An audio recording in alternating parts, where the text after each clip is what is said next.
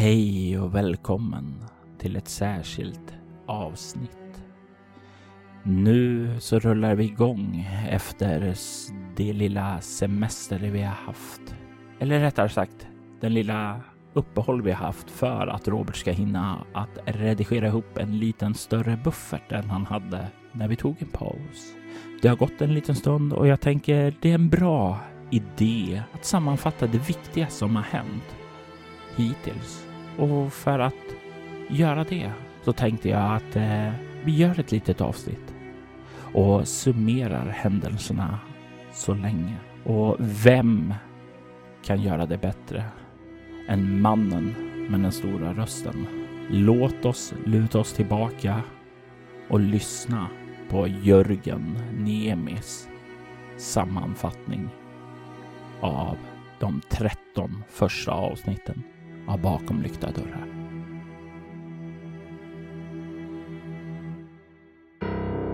Soloäventyret presenterar Bakom lyckta dörrar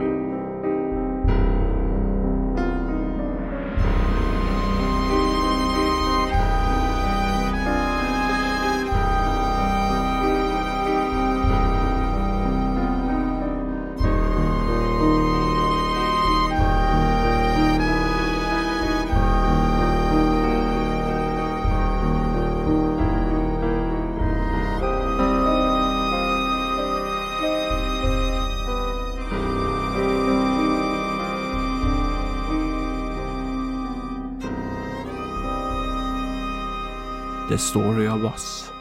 En sammanfattning av säsongen hittills. Avsnitt 5.1 Bad Blood Allt började med att Natalie Espinosa hade samlat många av sina vänner och bekanta för att tillsammans exorcera den demon som besatte hennes vän Sky Summers. Allt verkade gå bra tills en av hennes bekanta, Lucian Winthorpe, från ingenstans börjar anfalla dem. Trots att Natalie kämpar tappert så slår han henne medvetslös. När Natalie vaknar upp gör hon det i ett rum som vid en första anblick liknar hennes eget. Det finns dock små detaljer som skiljer sig. Till exempel den stora klumpiga datorn. Dörren ut ur rummet är låst och fönstren visar sig endast visa en betongvägg. Då Natalie inser att hon är fast i rummet börjar hon känna en växande panik, men söker ändå igenom rummet. Det enda av intresse som hon finner är inristningar i en garderob där det står Athanasia och King Eternity. Natalie är bekant med orden sedan tidigare eftersom det förekommer i Daniel Darwins verk. En lokal skräckförfattare från Natalies hemort. Inte för att Natalie brydde sig om den typen av litteratur. Men inom rollerderbysporten som hon utövade tar man ofta sina artistnamn från hans böcker. Till slut satte sig Natalie framför datorn och loggade in på den för att se vilka hemligheter som fanns där. I en annan del av världen så befinner sig Sky nere i Port Cameron tillsammans med sin vän Hannah Chase och flickvän Clarissa Bridges. Clarissa har fått ett tips var Lucian ska befinna sig. De misstänker att han är involverad i kidnappningen av deras klasskamrater Natalie, Marie Guevara och Everett Rains. Den kidnappning som skedde efter att demonen exorcerats ur Sky. Och som nu alla inom lagväsendet, nu ett år senare, helt verkar ha gett upp alla försök att lösa. Sky och Hannah tar sig till platsen där Lucien ska vara medan Clarissa stannar i bilen. De hinner dock inte finna Lucien innan helvetet bryter lös. Till platsen så anländer en person som får Sky att förlora fattningen när hon konfronterar denne. Mannen är Carver, en demon i människoform. Demonen som var skyldig till att Sky blev besatt. Han är indirekt ansvarig till att hennes tre vänner försvunnit spårlöst. En hetsig diskussion uppstår och det framgår där att Lucien är kvar i San Sebastian. Innan de kan få reda på var de befinner sig hör de Clarissa starta bilen och gasa på. Hon kör på Lucien som var på väg till mötet. Under de tre kvinnornas förhör får de veta att Lucien arbetar för något som kallas för Orden som låg bakom kidnappningen av Natalie, Mariah och Everett. Lucien vet dock inte vad fångarna är utan bara att han överlämnar dem till filantropen Melissa Clark. Med den informationen så har de äntligen fått en ledtråd i jakten på sina vänner. Avsnitt 5.2 Stay, stay, stay.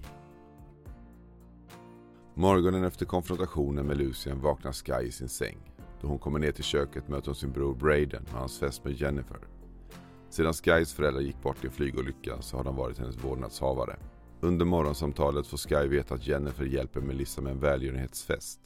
Sky ser sin chans och ber henne fråga Melissa om det behövs tre extra personal under kvällen. Det skulle vara ett perfekt tillfälle för dem att komma in och snoka efter ledtrådar.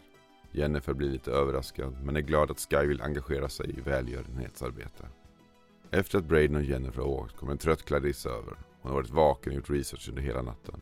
Vilket får Sky att köra sin flickvän i sängen som kan vila ut. Med en kopp kaffe i handen börjar Sky gå igenom Clarissas research. Det är först efter en bra stund som man lägger märke till ett par fotografier i Clarissas väska. Innan hon har tid att kolla närmare på dem hörs dock Clarissas fotsteg komma ner för trappan. Så Sky släpper den tråden. Sky har dock fått ett vagt spår från researchen och det tvingar henne in i ett tungt ämne. Calvin Davis, Clarissas ex. Clarissa öppnar sig för henne och avslöjar sin mörka hemlighet, även fast hon är övertygad att hon ska förlora Sky. Det perfekta förhållandet hon varit tidigare var en lögn. Clarissas sexuella frustration fick henne att klösa Calvin under deras samlag, något som han bara fann mer upphetsande. Hon kände sig som en dålig människa som var ovärdig att älska. Men istället för att förskjuta henne så accepterar Sky sin flickvän. De omfamnade varandra, stärkt i sin kärlek. Avsnitt 5.3 i did something bad. När Natalie loggar in på datorn finner hon en profil i hennes namn. Hon har tilldelats ett antal tokens som hon kan använda för att låsa upp olika filer eller tillval. Filerna som är tillgängliga utgörs av nio namn uppdelade på tre rader. På den översta finns Clarissa, Hannah och Sky. Den andra raden har Mariah och Everett. Och den sista har en mystisk gestalt som kallas för King Eternity. Natalie börjar utforska datorns menyer och hittar en lista över bisarra saker hon kan utföra för att få fler tokens. En av dem är mindre bisarr än de andra, nämligen att hålla igång hennes träningsrutin. Mer för att ha något att göra än att tjäna tokens så städar Natalie sitt rum så att hon kan utföra de övningar som utrymmet tillåter. Under tiden får Nathalie ett meddelande och då hon öppnar det startar en prövning där det beskrivs att tre personer, Sky, Hanna och Clarissa, har rotat i saker de inte borde. Nu måste Nathalie tillsammans med de andra i en liknande sits som henne rösta på vem som ska bestraffas. Sex röster läggs och samtliga tre får två röster var.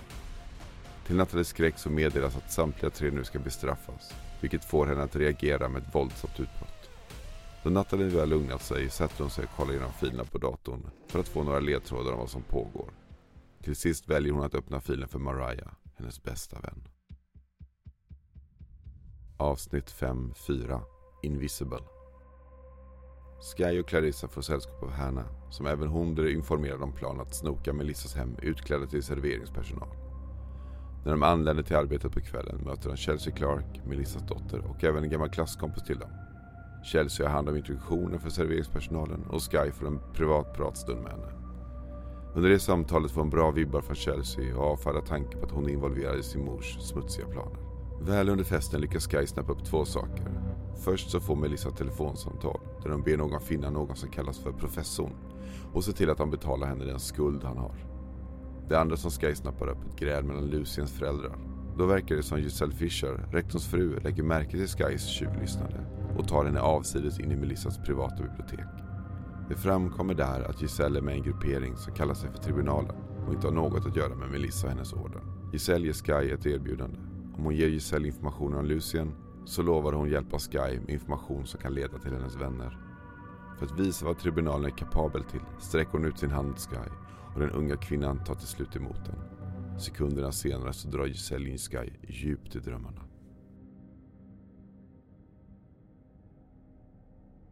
Avsnitt 5.5 Innocent Natalie kan på sin dator se hur Mariah befinner sig i en liknande situation som hon själv. Fången i en cell som liknar hennes rum. Mariah verkar få ett meddelande på datorn och efter att ha läst det lägger hon sig på sängen. Kort efteråt verkar Mariahs kropp drabbas av konvulsioner och i nästa sekund sjunker den ihop livlös. In i rummet kommer en kåpklädd man som släpar ut den döda Mariah ur rummet. I Sista Natalie ser att mannen bär en vit mask som liknar King Eternity. Natalie betraktar det hela chockerat och med ilska. Nathalies mentala hälsa tar stryk där hon är. Som en fysisk person som är socialt aktiv är isolationen och hopplösheten tärande. Sakta börjar hon ifrågasätta sitt tidigare ställningstagande och inte göra några av de prövningar som hennes kidnappare vill att hon ska göra. Till slut lägger Natalie sig ner i sängen och tar LSDn. Vad Natalie inte vet är att det är den gnista som behövs för att hon ska trigga den synska förmågan som hon förnekar att hon har. I sin första syn vaknar Natalie i sitt hem med sina föräldrar. Det verkar vara dagen efter Skys exorcism. Saker verkar annorlunda dock. Mariah, Everett och Sky är de som har blivit kidnappade. Vad Natalie inte vet är att denna vision speglar hennes egen kidnappning och Skys upplevelser då hon insåg att hennes vänner försvunnit spårlöst. Istället tror Natalie att allt tidigare bara var en dröm och beger sig sedan ut för att möta Mary St. John, Skys bästa vän, och diskutera vad som hände igår. 5-6 Epiphany Giselle sänder in Sky i en dröm som visar ledtrådar om vad Natalie upplever. Även av vissa minnesfragment som Sky själv läcker in. Hon ser var Natalie har svången och lyckas även ta sig ut ur cellen. Där börjar någon jaga henne, men hon är för upptagen för att se att gestalten är King Eternity. Hon lyckas fly från honom och vaknar då upp ur drömmen. Sky är tillbaka i biblioteket och hon känner sig tvingad att ge Giselle den information som hon ville ha om Lucien. I gengäld får Sky mer information om vad hon upplevt och vem Melissa Clark egentligen är. Tiden börjar närma sig Hannas distraktion så hon tackar för sig och rör sig ut i festsalongen. Knappt hinner Sky ansluta sig till Clarissa då Hanna drar igång en improviserad rockkonsert vilket ger de två den distraktion som de behöver för att ta sig in på Melissas kontor. På kontoret finner Sky en ingång till en lönnkällare under skrivbordet. I källaren finns flera hemliga filer varav en är markerad med Operation Limbo. Den har samma datum som då hennes vänner försvann och hon plockar på sig den för att röra sig tillbaka. Det är då som Sky hör hur Melissa kommit in på kontoret och nu konfronterar Clarissa. Avsnitt 5-7 Change Natalie sluter upp med Mary St. John vid Fisher King High för att börja gräva i vad som hände igår och vad deras vänner är. De uppmärksammar ett gräl mellan Clarissa och hennes pojkvän Calvin. När Natalie frågar om King Eternity så går Darwin-fanet Calvin igång. Han ger lite information om vem den fiktiva King Eternity är. Men vad de främst får ut av samtalet är att King Eternity verkar offra folk. Något som får dem att känna oro för sina vänner. Natalie och Mary bestämmer sig för att bege sig till brottsplatsen för att undersöka den närmare. De finner en låst dörr längre in i rummet och de ser att blod har runnit ut under dörren. Natalie tar sats, slår upp dörren och faller omkull i blodet innanför dörren.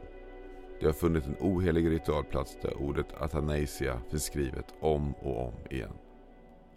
Avsnitt 5.8 Breathe Ifrån lönnkällaren hör Sky hur Clarissa desperat försöker hålla Melissa distraherad. Försiktigt börjar Sky ta sig upp och upptäcks då av Chelsea som tagit sig in från altanen. Med en vädjande blick får Sky över Chelsea på sin sida som kan slinka ut osedd.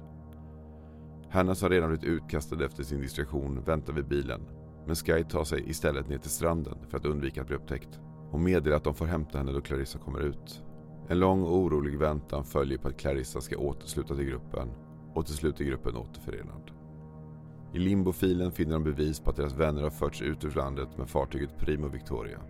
Clarissa säger att det inte bara är deras tre vänner som är offer utan ytterligare tre personer har förts till Marseille i Frankrike. Då Hanna föreslår att de ska flyga dit riskerar hon att såra på Sky. Hennes föräldrar dog i en flygplansolycka och traumat är fortfarande kvar. Sky vill inte flyga. Men med stöd av sina vänner bestämmer sig Sky för att utmana sitt trauma och gör det. Hon måste konfrontera sin rädsla om hon ska rädda sina vänner. Avsnitt 5.9 Red Natalie och Mary lämnar källaren just som säkerhetsvakt för en Callahan Securities anländer. De får skarp tillsägelse att de inte borde vara där men får lämna platsen utan några andra konsekvenser. De bestämmer sig för att söka upp Katie Devereaux, Nathalies granne som enligt Natalie har viss erfarenhet av övernaturligheter. Katie känner igen ordet Athanasia och beskriver att det är dels ett ord för någon som vill uppnå odödlighet, dels att det finns en dödskult med det namnet. Då Natalie delar med sig vad som hänt på sistone öppnar Katie upp vad hennes egentliga mål är. Att ta reda på mer om dödskulten Athanasia. Katie bestämmer sig för att ansluta till gruppen och tillsammans ber de sig till Luciens hem för att konfrontera honom. Det visar sig dock att han inte är där, men hans far Julian vill tala med dem. Natalie och Mary tar sig in, men Katie stannar utanför då huset är omgärdat av en skyddsbarriär som stänger henne ute. Samtalet med Julian är obehagligt, men Julian säger att hans son är försvunnen och han känner igen Athanasia. Han säger dock att han ska kolla upp dem lite extra och återkomma strax. Efter att ha spenderat vad som känns som en evighet på festen får Natalie ett sms som ber henne och Merritt komma ner till källaren. Motvilligt rör de sig ner dit och kommer in i tribunalens ritualkammare där Julian, Giselle och Aston Rains, Everetts far, väntar på dem. De är klädda i röda kåpor och vill att Natalie och Mary ska komma fram till dem, men de vägrar. Det är då som de två unga kvinnorna hör dörrarna slå igen bakom dem. In i rummet har ännu en person anslutit, en person som Natalie minns med obehag. Avsnitt 5.10 The Last Time Sky väcks av sin bror Braden på söndag förmiddag då han och Jennifer kallar till ett familjemöte. De berättade att Sky ska bli faster och hon blir fantastiskt glad. Men glädjen blir kortvarig. När Sky säger att hon ska resa till Frankrike blir Braden upprörd och reagerar kraftfullt då inte heller han har bearbetat föräldrarnas död. Det resulterar i att han stormar ut och vägrar tala mer med Sky. Kvar blir Jennifer som är mer förstående och stöttande. Braden undviker Sky under de kommande dagarna och då Sky åker iväg till flygplatsen så har de inte talat något mer med varandra. Det ligger som en mörk skugga över henne men Sky är ändå fast besluten om att åka. Väl på Marquette Airport så är hennes ångest stor men tack vare hennes två vänner kom hon ombord på flygplanet och de lyfter mot nya äventyr. Avsnitt 5.11 Look what you made me do när de närmar sig Marseille så planerar Sky och hennes vänner vad de ska göra då de landar. De kan antingen bege sig till hamnen där fartyget som fraktar deras vänner anlände eller så kan de bege sig ut till den herrgård som köparen, en professor Jeremiah Ford, äger. Deras spekulationer avbryts att de samtidigt får ett sms från en okänd avsändare som förklarar att en jury har dömt de tre till döden för att han lagt näsan i blöt och piloten nu kommer att dö. Sky fylls av skräck och hennes rädsla blommar ut men Hanna tvekar inte. Hon tar initiativet och beger sig mot piloten. Hanna lyckas ta sig in i första klass men Sky och Clarissa som följt efter blir stoppade av en flygvärdinna. Sky försöker att snacka sig förbi henne men det går sådär och till slut så ingriper Clarissa till Skys förskräckelse och stryper flygvärdinnan medvetslös. De gömmer henne på personaltoaletten och rör sig fram till pilotkabinen där Hanna står och bankar på dörren. Sky ber Hanna att lugna ner sig. Men innan de hinner säga något mer så konfronteras de av en passagerare som är irriterad över att han blivit störd. Efter att Sky skällt ut honom med råge så lyckas de ta sig in i kabinen med nyckeln som Clarissa tog från flygvärdinnan och finner där de båda piloterna döda. Hanna bestämmer sig för att använda sin gåva att tala med de döda för att försöka rädda planet. Sky vänder sig om för att bege sig tillbaka och hör då ett pistolskott brinna av. Clarissas blod skvätter upp över henne och då Clarissa sjunker ihop ser Sky vem som håller pistolen. Det är Lucien. Avsnitt 5.12 I knew you were trouble. Då Lucians skott träffar Clarissa så väcks vreden Sky. Med sin telekinetiska kraft sliter hon pistolen ur hans hand. De två drabbar samman i en våldsam strid i flygplanets första klass. Där Lucian lyckas slå omkull Sky. Hon slår i sitt huvud och hon landar och allt blir svart. Sky svävar nu mellan liv och död. Och det blir vad som triggar hennes mediala förmåga. I en mardröm hemsöks Sky och demonen Carver samtidigt som hon rör sig genom spillrorna av vad som finns kvar från flygplanet som kraschade. Hon finner den döda Clarissa som hon sörjer djupt. Men hon kan inte se henne någonstans. Carver försöker fresta henne med att rädda Clarissas liv om hon återvänder till hans flock. Men Sky vägrar och börjar istället söka efter henne. Det leder henne bort från mörkret och in i ljuset där hon vaknar upp från mardrömmen. Hon befinner sig dock inte längre ombord på flygplanet. Istället har Sky just lastats in i en ambulans. Avsnitt 5.13 White Horse Natalie och Mary befinner sig nere i källaren till tribunalens innersta kammare där de ställs inför Cash, den varelse som sekten dyrkar. Då Natalie vägrar ge Cash vad han vill ha blir hon attackerad av honom och i nästa ögonblick vaknar hon upp i sin cell med andan i halsgropen. På datorn finns två nya notiser. Natalie öppnar ett meddelande från en okänd avsändare och finner ett avskedsbrev från hennes bästa vän Mariah. Brevet får luften att gå ur Natalie och hon kollar nedslaget på nästa notis. Det visar sig vara ett meddelande i det upplåsta chattrummet. I chatten finns en kvinna som presenteras som Diana Castle, en person som visar sig vara kidnappad precis som Natalie. Natalies vision har dock gett henne fler tokens och hon låser upp Everetts feed. Där ser hon honom i en ren frustration vandalisera sitt rum. En känsla som Natalie kan känna igen sig i.